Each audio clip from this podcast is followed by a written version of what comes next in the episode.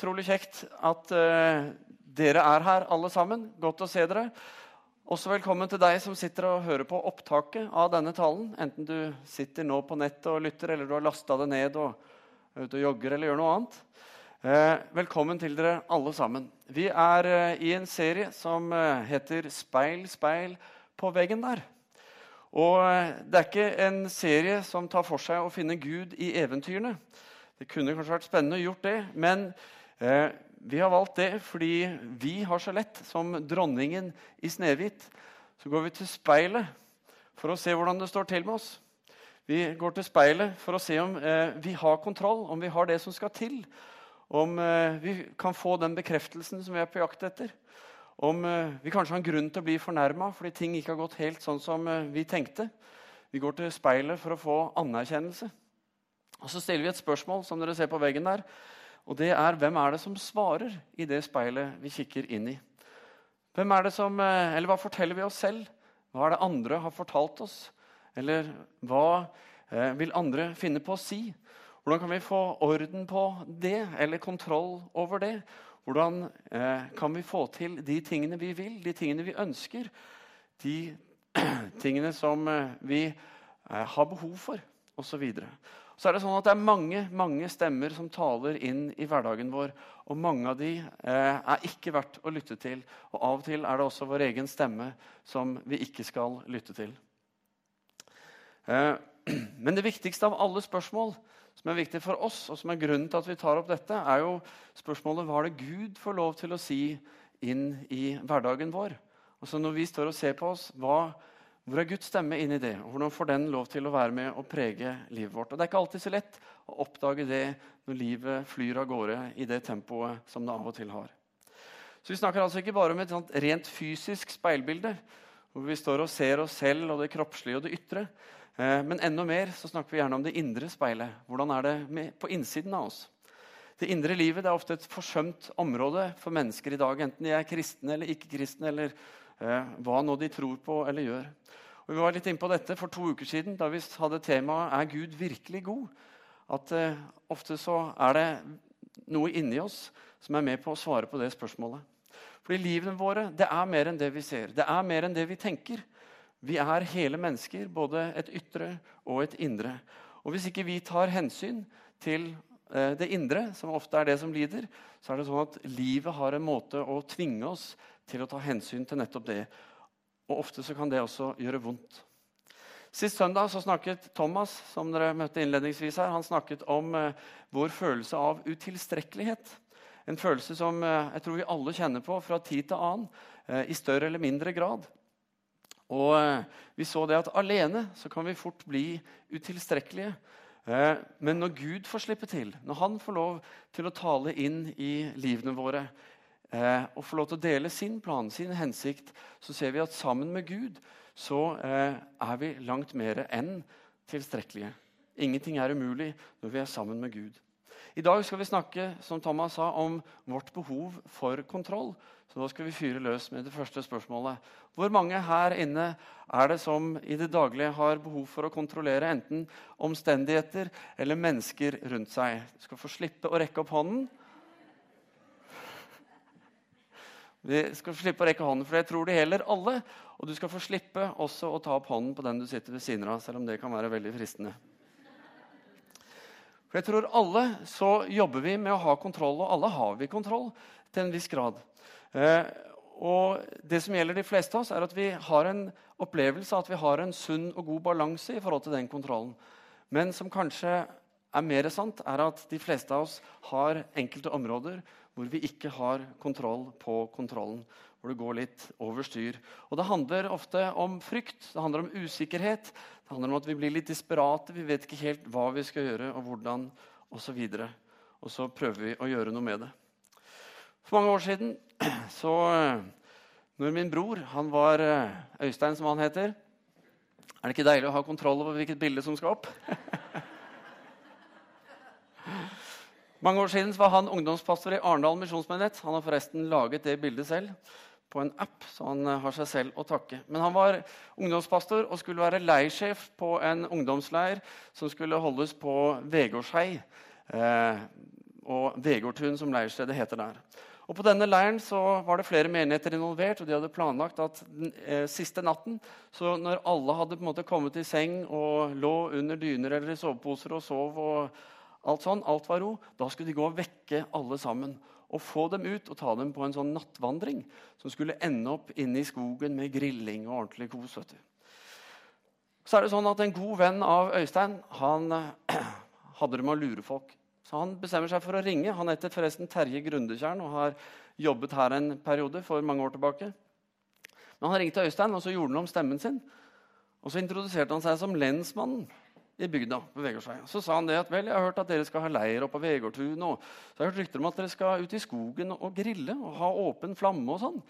Eh, så jeg lurer på, har dere søkt om tillatelse til det? For du vet at det er jo ikke lov. Så tenkte han nei. Det har vi ikke. Så han måtte jo bare innrømme at nei, dette hadde han ikke søkt om tillatelse om. Uh, så lurte han på men er det kanskje noe jeg kan søke om nå. For dette var jo da den dagen de skulle reise. Så sier lensmannen at nei, det går nok ikke. fordi det er ikke bare, bare det. skjønner Du Du må fylle ut flere skjemaer, og brannvesenet må inn og uttale seg om masse sånn. Det tar i hvert fall en uke. Så det er nok helt utelukket. Og nå var jo dette en viktig del av opplegget som de hadde bygd opp denne helgen. Så han begynner å bli litt sånn søren. ikke sant? Mister litt kontrollen. Så spør han er det kanskje mulighet at vi kan få til dette likevel. Om vi tar det liksom ut av skogen, altså i skogkanten. Hvor det ikke er fullt så farlig å tenne dette. Nei, like bestemt. Dette gikk ikke an. fordi eh, der var det like farlig, og det var like forbudt. Så kjenner han desperasjonen vokser inni seg. og så tenker han, Søren, dette må jeg jo få til. Så han sier men hvis vi flytter det inn på fotballbanen, den svære grusbanen som er på leirstedet der, midt utpå der, kan det jo ikke være noe farlig. Jo, men du vet, med vind og alle disse forholdene så blir dette veldig vanskelig. Og han var veldig bestemt og ikke veldig god å ha med å gjøre. Så, og da måtte, har han ikke kontroll lenger. Og så er han bare desperat og sier han, men om, vi tar det inn da, inn i gymsalen og da klarer jo ikke Terje å holde seg, så han roper etter 'Øystein, har du virkelig tenkt å grille innendørs?' Og Da skjønte han jo at han var blitt lurt, og han skjønte hvem det var. og ja, Det ble en liten oppvask der, da. Men det gikk bra. Men hvis vi tar dette fra begynnelsen Hvis vi går til Adam og Eva i Edens hage og Det er ofte vanskelig å begynne noe tidligere enn det.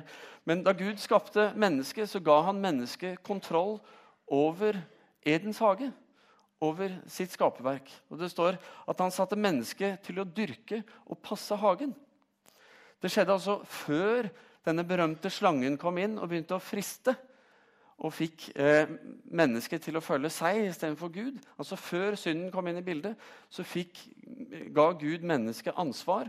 Han ga det kontroll over noe. Så dette er en del av det Gud har eh, gitt oss fra skapelsen av. Eh, og når kontrollen vår brukes i henhold til det Gud taler inn i livene våre, det han leder oss til, så blir det fruktbart og tjenlig for oss. Så evnen å ha kontroll, det å ta ansvar, det er ikke noe synd i seg selv. Men når det får eh, kontrollen over oss, når det er det som styrer oss, så eh, styrer det også oss gjerne vekk fra det Gud ønsker å tale inn i livet vårt, inn i hverdagen vår. Og da ender vi gjerne opp der vi også ender i forhold til hvordan det var når synden kom inn i Edens hage. Fordi det trekker oss vekk fra det Gud har skapt oss til.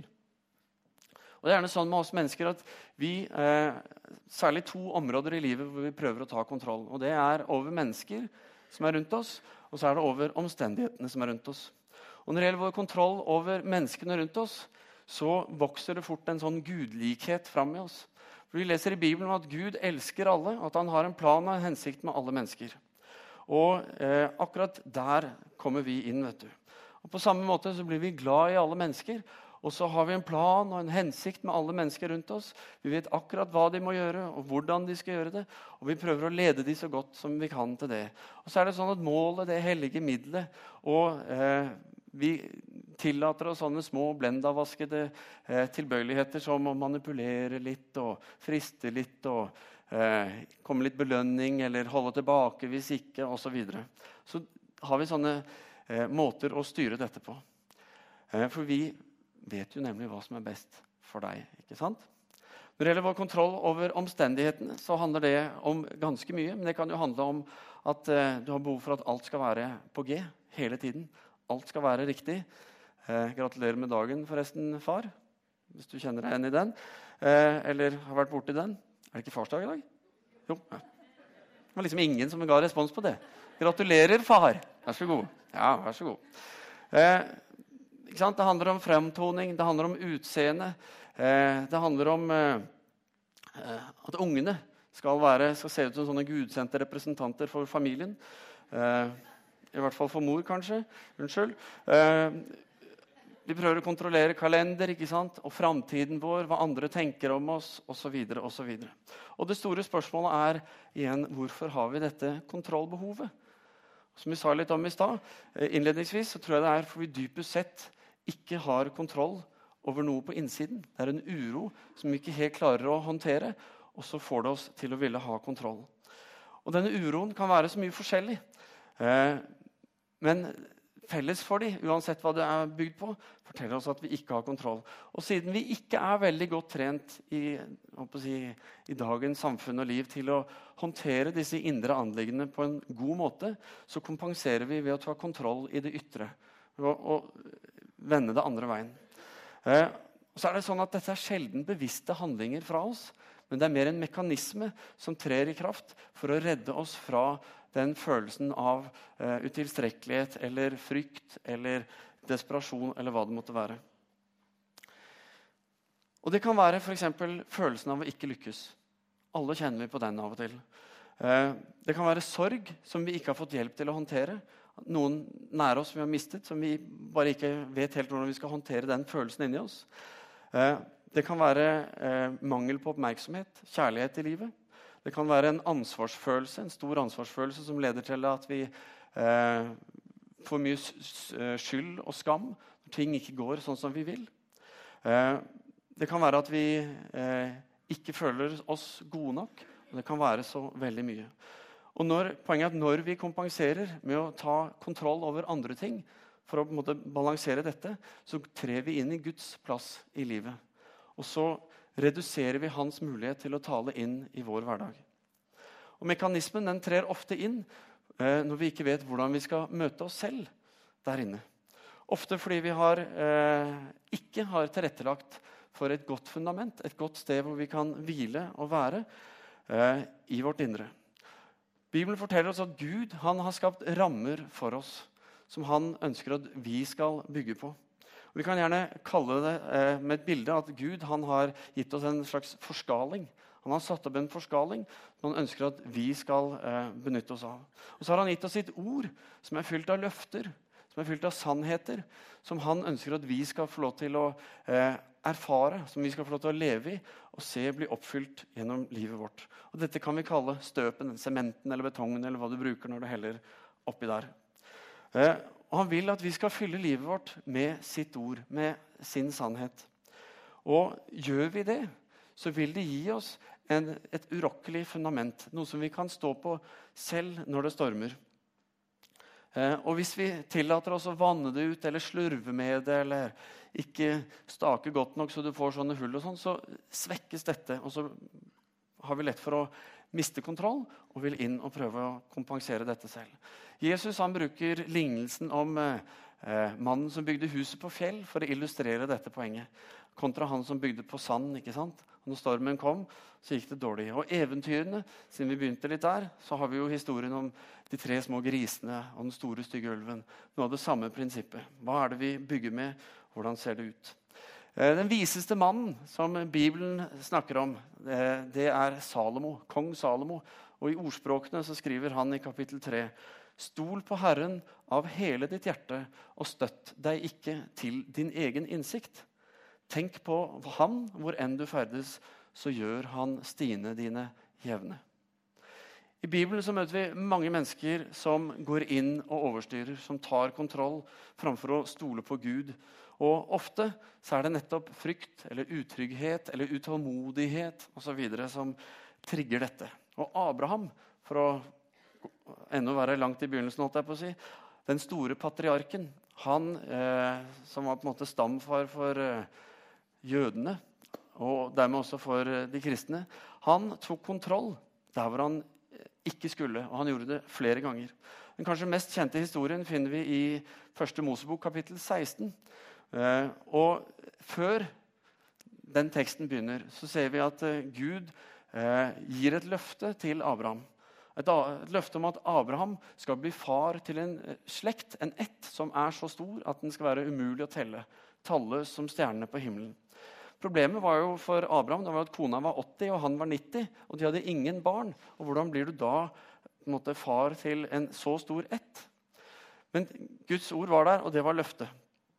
Eh, men så skjedde det ikke. Jeg tenker, ok, Hvis du er 80 år og skal bli mor, så haster det. Ikke sant? Men så skjer det ikke med en gang. Det går noen år. Og hva gjør man da? Skal vi lese sammen om eh, Sarai og Abram, som var navnene før de fikk navnet Sara og Abraham. Sarai, Abrahams kone, hun fødte han ingen barn. Men hun hadde en egyptisk slavekvinne som het Hagar. Sarai sa til Abraham, 'Hør på meg. Herren har hindret meg i å føde barn.' Gå nå inn til slavekvinnen min. Kanskje får jeg en sønn med henne. Og Abraham hørte, hørte på det Sara sa. Kan, altså han var jo mann. Eh, måtte det. Ikke sant? Dette var for fristende, kanskje. jeg vet ikke. Men Abraham han gjorde i hvert fall dette. Han går inn. Eh, og Abraham, sa, eh, Abrahams kone Sarai tok Hagar, den egyptiske slavekvinnen sin, og ga henne til kone for Abraham, mannen sin. Abraham hadde da bodd ti år i landet Kanaan. Han gikk inn til Hagar, og hun ble med barn. Men da hun oppdaget at hun var med barn, så hun ned på husfruen sin. Det skjedde noe. Sara tok kontroll, og konsekvensene av den kontrollen hun tok der, den ser vi den dag i dag. Allerede der, tilbake i første Mosebok, så kom det sjalusi inn i bildet. Så kom det stridigheter, så kom det forvisning og eh, videre. Vi ser at Hagar, denne slavekvinnen, hun fikk en sønn, Ishmael. Eh, og senere, i tråd med Guds løfte, i tråd med det Gud hadde sagt, så fikk Sara selv en sønn med Abraham, Isak. Ishmael han regnes som på en måte eh, etterlinjen til muslimene. Eh, og eh, Isak er linjen inn til jødene, og dermed også inn til den kristne historien. Fra Ishmael sett så kommer profeten Muhammed. Fra Isak sett så kommer Jesus Kristus, frelseren. Og allerede fra den hendelsen så startet en uro og strid mellom to etter som pågår den dag i dag. Nå kan det hende at denne scenen, dette som skjedde med Abraham og Sara, ikke treffer spikeren helt på hodet i hverdagen din. Men kanskje du eh, går og venter på å treffe den rette. Jeg vet ikke treffer alle her, men kanskje du går og venter på å treffe den rette. Og eh, tiden går, og han eller hun dukker ikke opp. Og Så blir du fristet til å fire litt på den standarden du har satt. For du har kanskje tenkt at eh, vel, siden jeg er en kristen, så vil jeg ha en mann eller en kone som er det. Som vi kan ha felles verdier og oppdra barna og alt det som følger med det. Men så kjenner du at nå tror jeg liksom ikke dette skjer hvis ikke jeg gjør noe selv. Så jeg har lyst til å gi litt opp, ta kontroll. Og det som skjer er at Da stenger vi ute de impulsene som vi egentlig har sagt at vi vil skal være med å forme livet vårt og hverdagen vår. Og om så viste det seg at Gud hadde en klar for deg et par uker fram i tid, så kan det hende at du går glipp av det ved å lytte til det og ta kontrollen selv. Kanskje gjelder det økonomien din. Kanskje har du egentlig lyst til å gi tienden være med å gi inn til Guds rike og være med å bygge menighet også på den måten. Men hver gang du tenker på det, så blir du slått av frykten av at dette ikke skal gå bra. Tenk om ikke pengene strekker til. Og så vet du om disse utgiftene som kommer, og så vet du at ungene trenger det, eller osv. Og, og så utsetter du, og så utsetter du. Og vet du hva? Jeg kjenner den følelsen så inderlig vel. For I mange år gikk jeg også og utsatte og utsatte og utsatte fordi jeg ikke turte å overgi kontrollen på økonomien til Gud. Og, men det som er, er at når vi gir det til han, så eh, hjelper han oss. Så holder han sitt løfte. Det går bra. Det er mitt vitnesbyrd. Og Gud velsigner det valget. Det er hans løfte. Eller kanskje du gir tiende, men så er det noe du har lyst på. Du har lyst på en stund, og så vet du at for å få det, så må du spare. Og så vet du at Skal du spare til det, så tar det litt lang tid. Så Da er det lett å gjøre som reklamen sier. Jeg er ikke den som venter. Så da tar jeg opp dette lånet, og så har jeg ordna det. Og så blir den kortsiktige gevinsten veldig god. Og Sånn er det ofte når vi går inn og overstyrer og tar kontroll. Vi får en sånn god, kortsiktig greie. Men ofte så blir kostnaden på lang sikt eh, fort veldig høy. Så er spørsmålet hva er det du prøver å kontrollere? Er det barna dine, valgene de tar? Kanskje har du fått store barn som har fått egne barn, og så skal du bare hjelpe dem litt med å oppdra barna deres? Har du en ektefelle, en kollega eller en venn som liker å gjøre ting litt annerledes enn det du egentlig kunne tenke deg at ting ble gjort? Eh, eller hva tror du andre mener om deg? Vi skal se på tre spørsmål som kan være med å hjelpe oss til å identifisere kontroll og hjelpe oss til å legge det til side. Eh, første spørsmålet det er er dette verdt min bekymring. Med andre ord, Er dette så viktig, dette som jeg styrer med, som jeg bekymrer meg over, som jeg prøver å ta tak i? Jesus kom på besøk til Martha og Maria, og de gledet seg over at han skulle komme. Så de stelte og ordna. Men når Jesus kommer selv inn døra, så kobler Maria ut fra det de holder på med. Hun går bort og setter seg sammen med Jesus. Og Det betyr dobbel dose for Martha. ikke sant? Og så må Martha og dette, kom igjen ikke sant, og styre på. Og så blir hun frustrert over Maria som ikke hjelper til.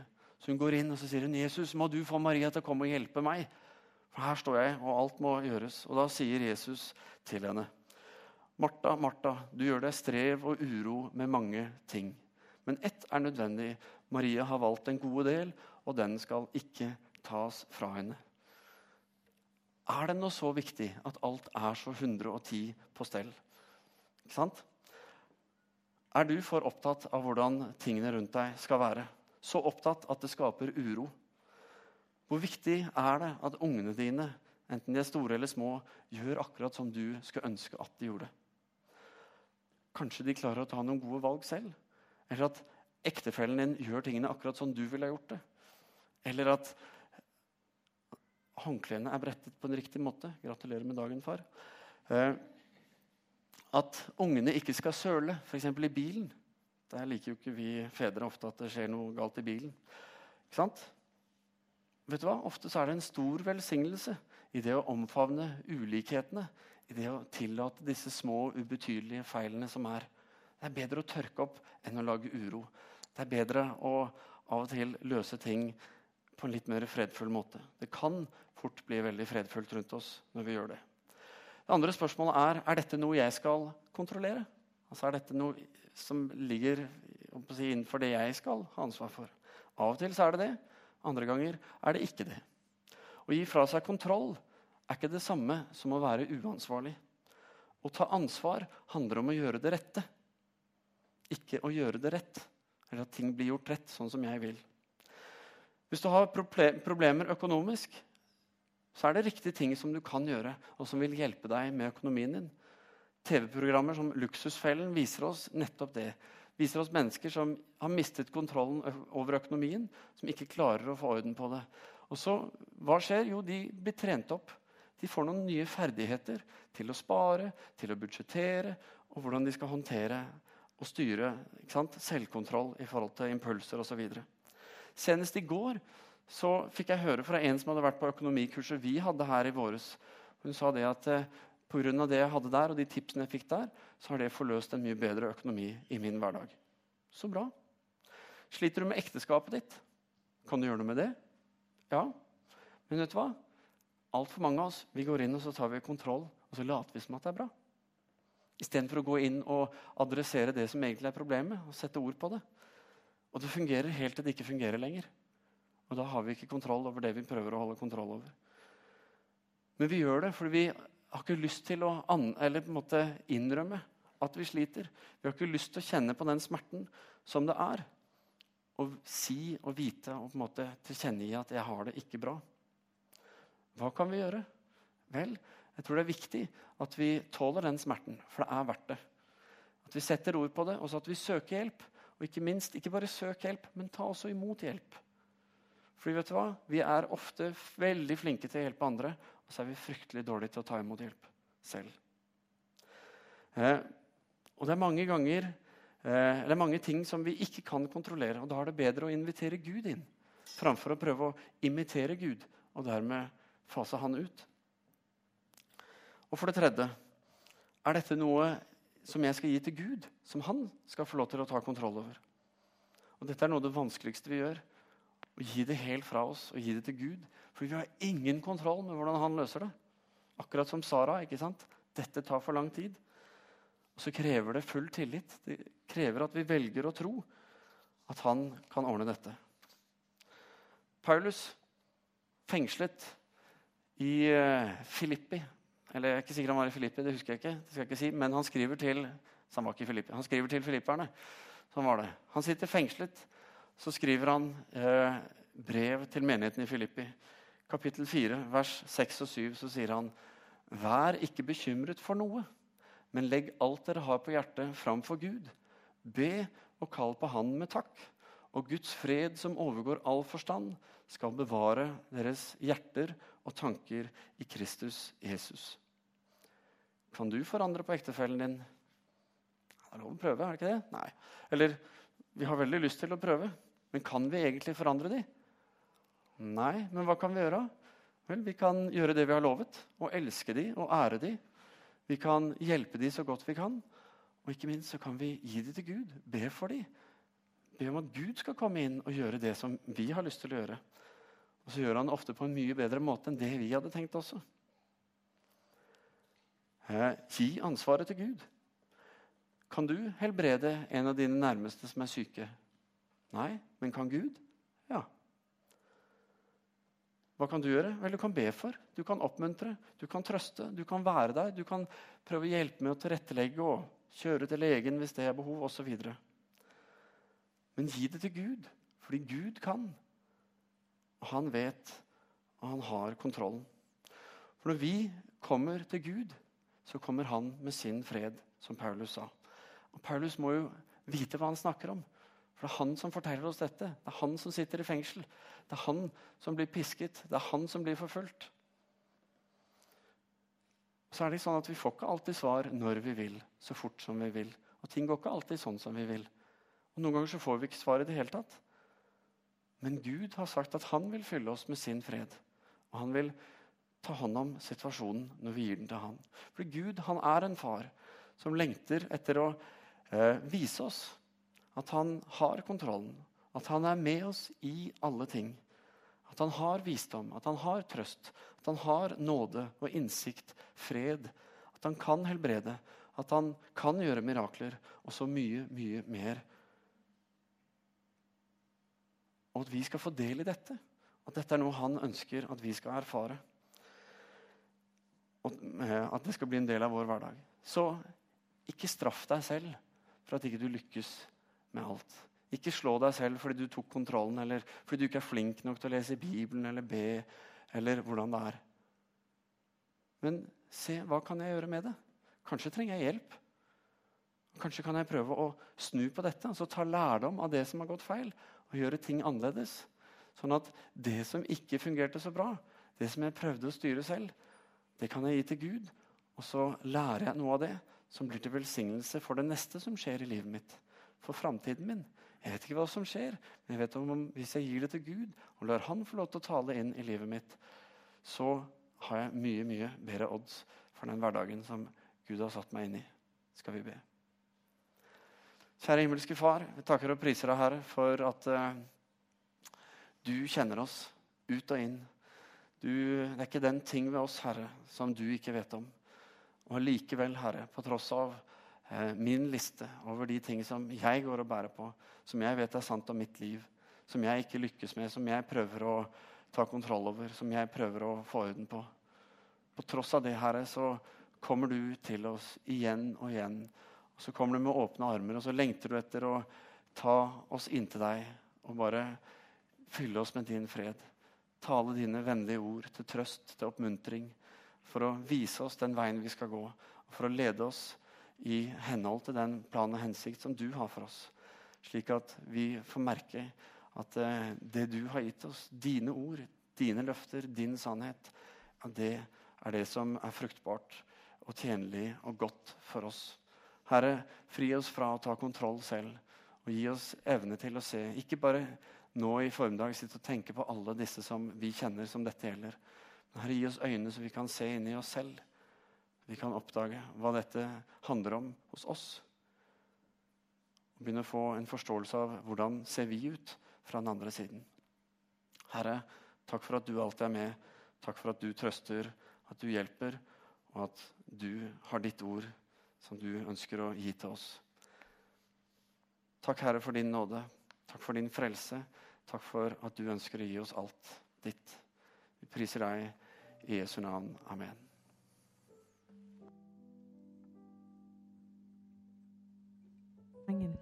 Syng denne sangen som en bønn til Gud.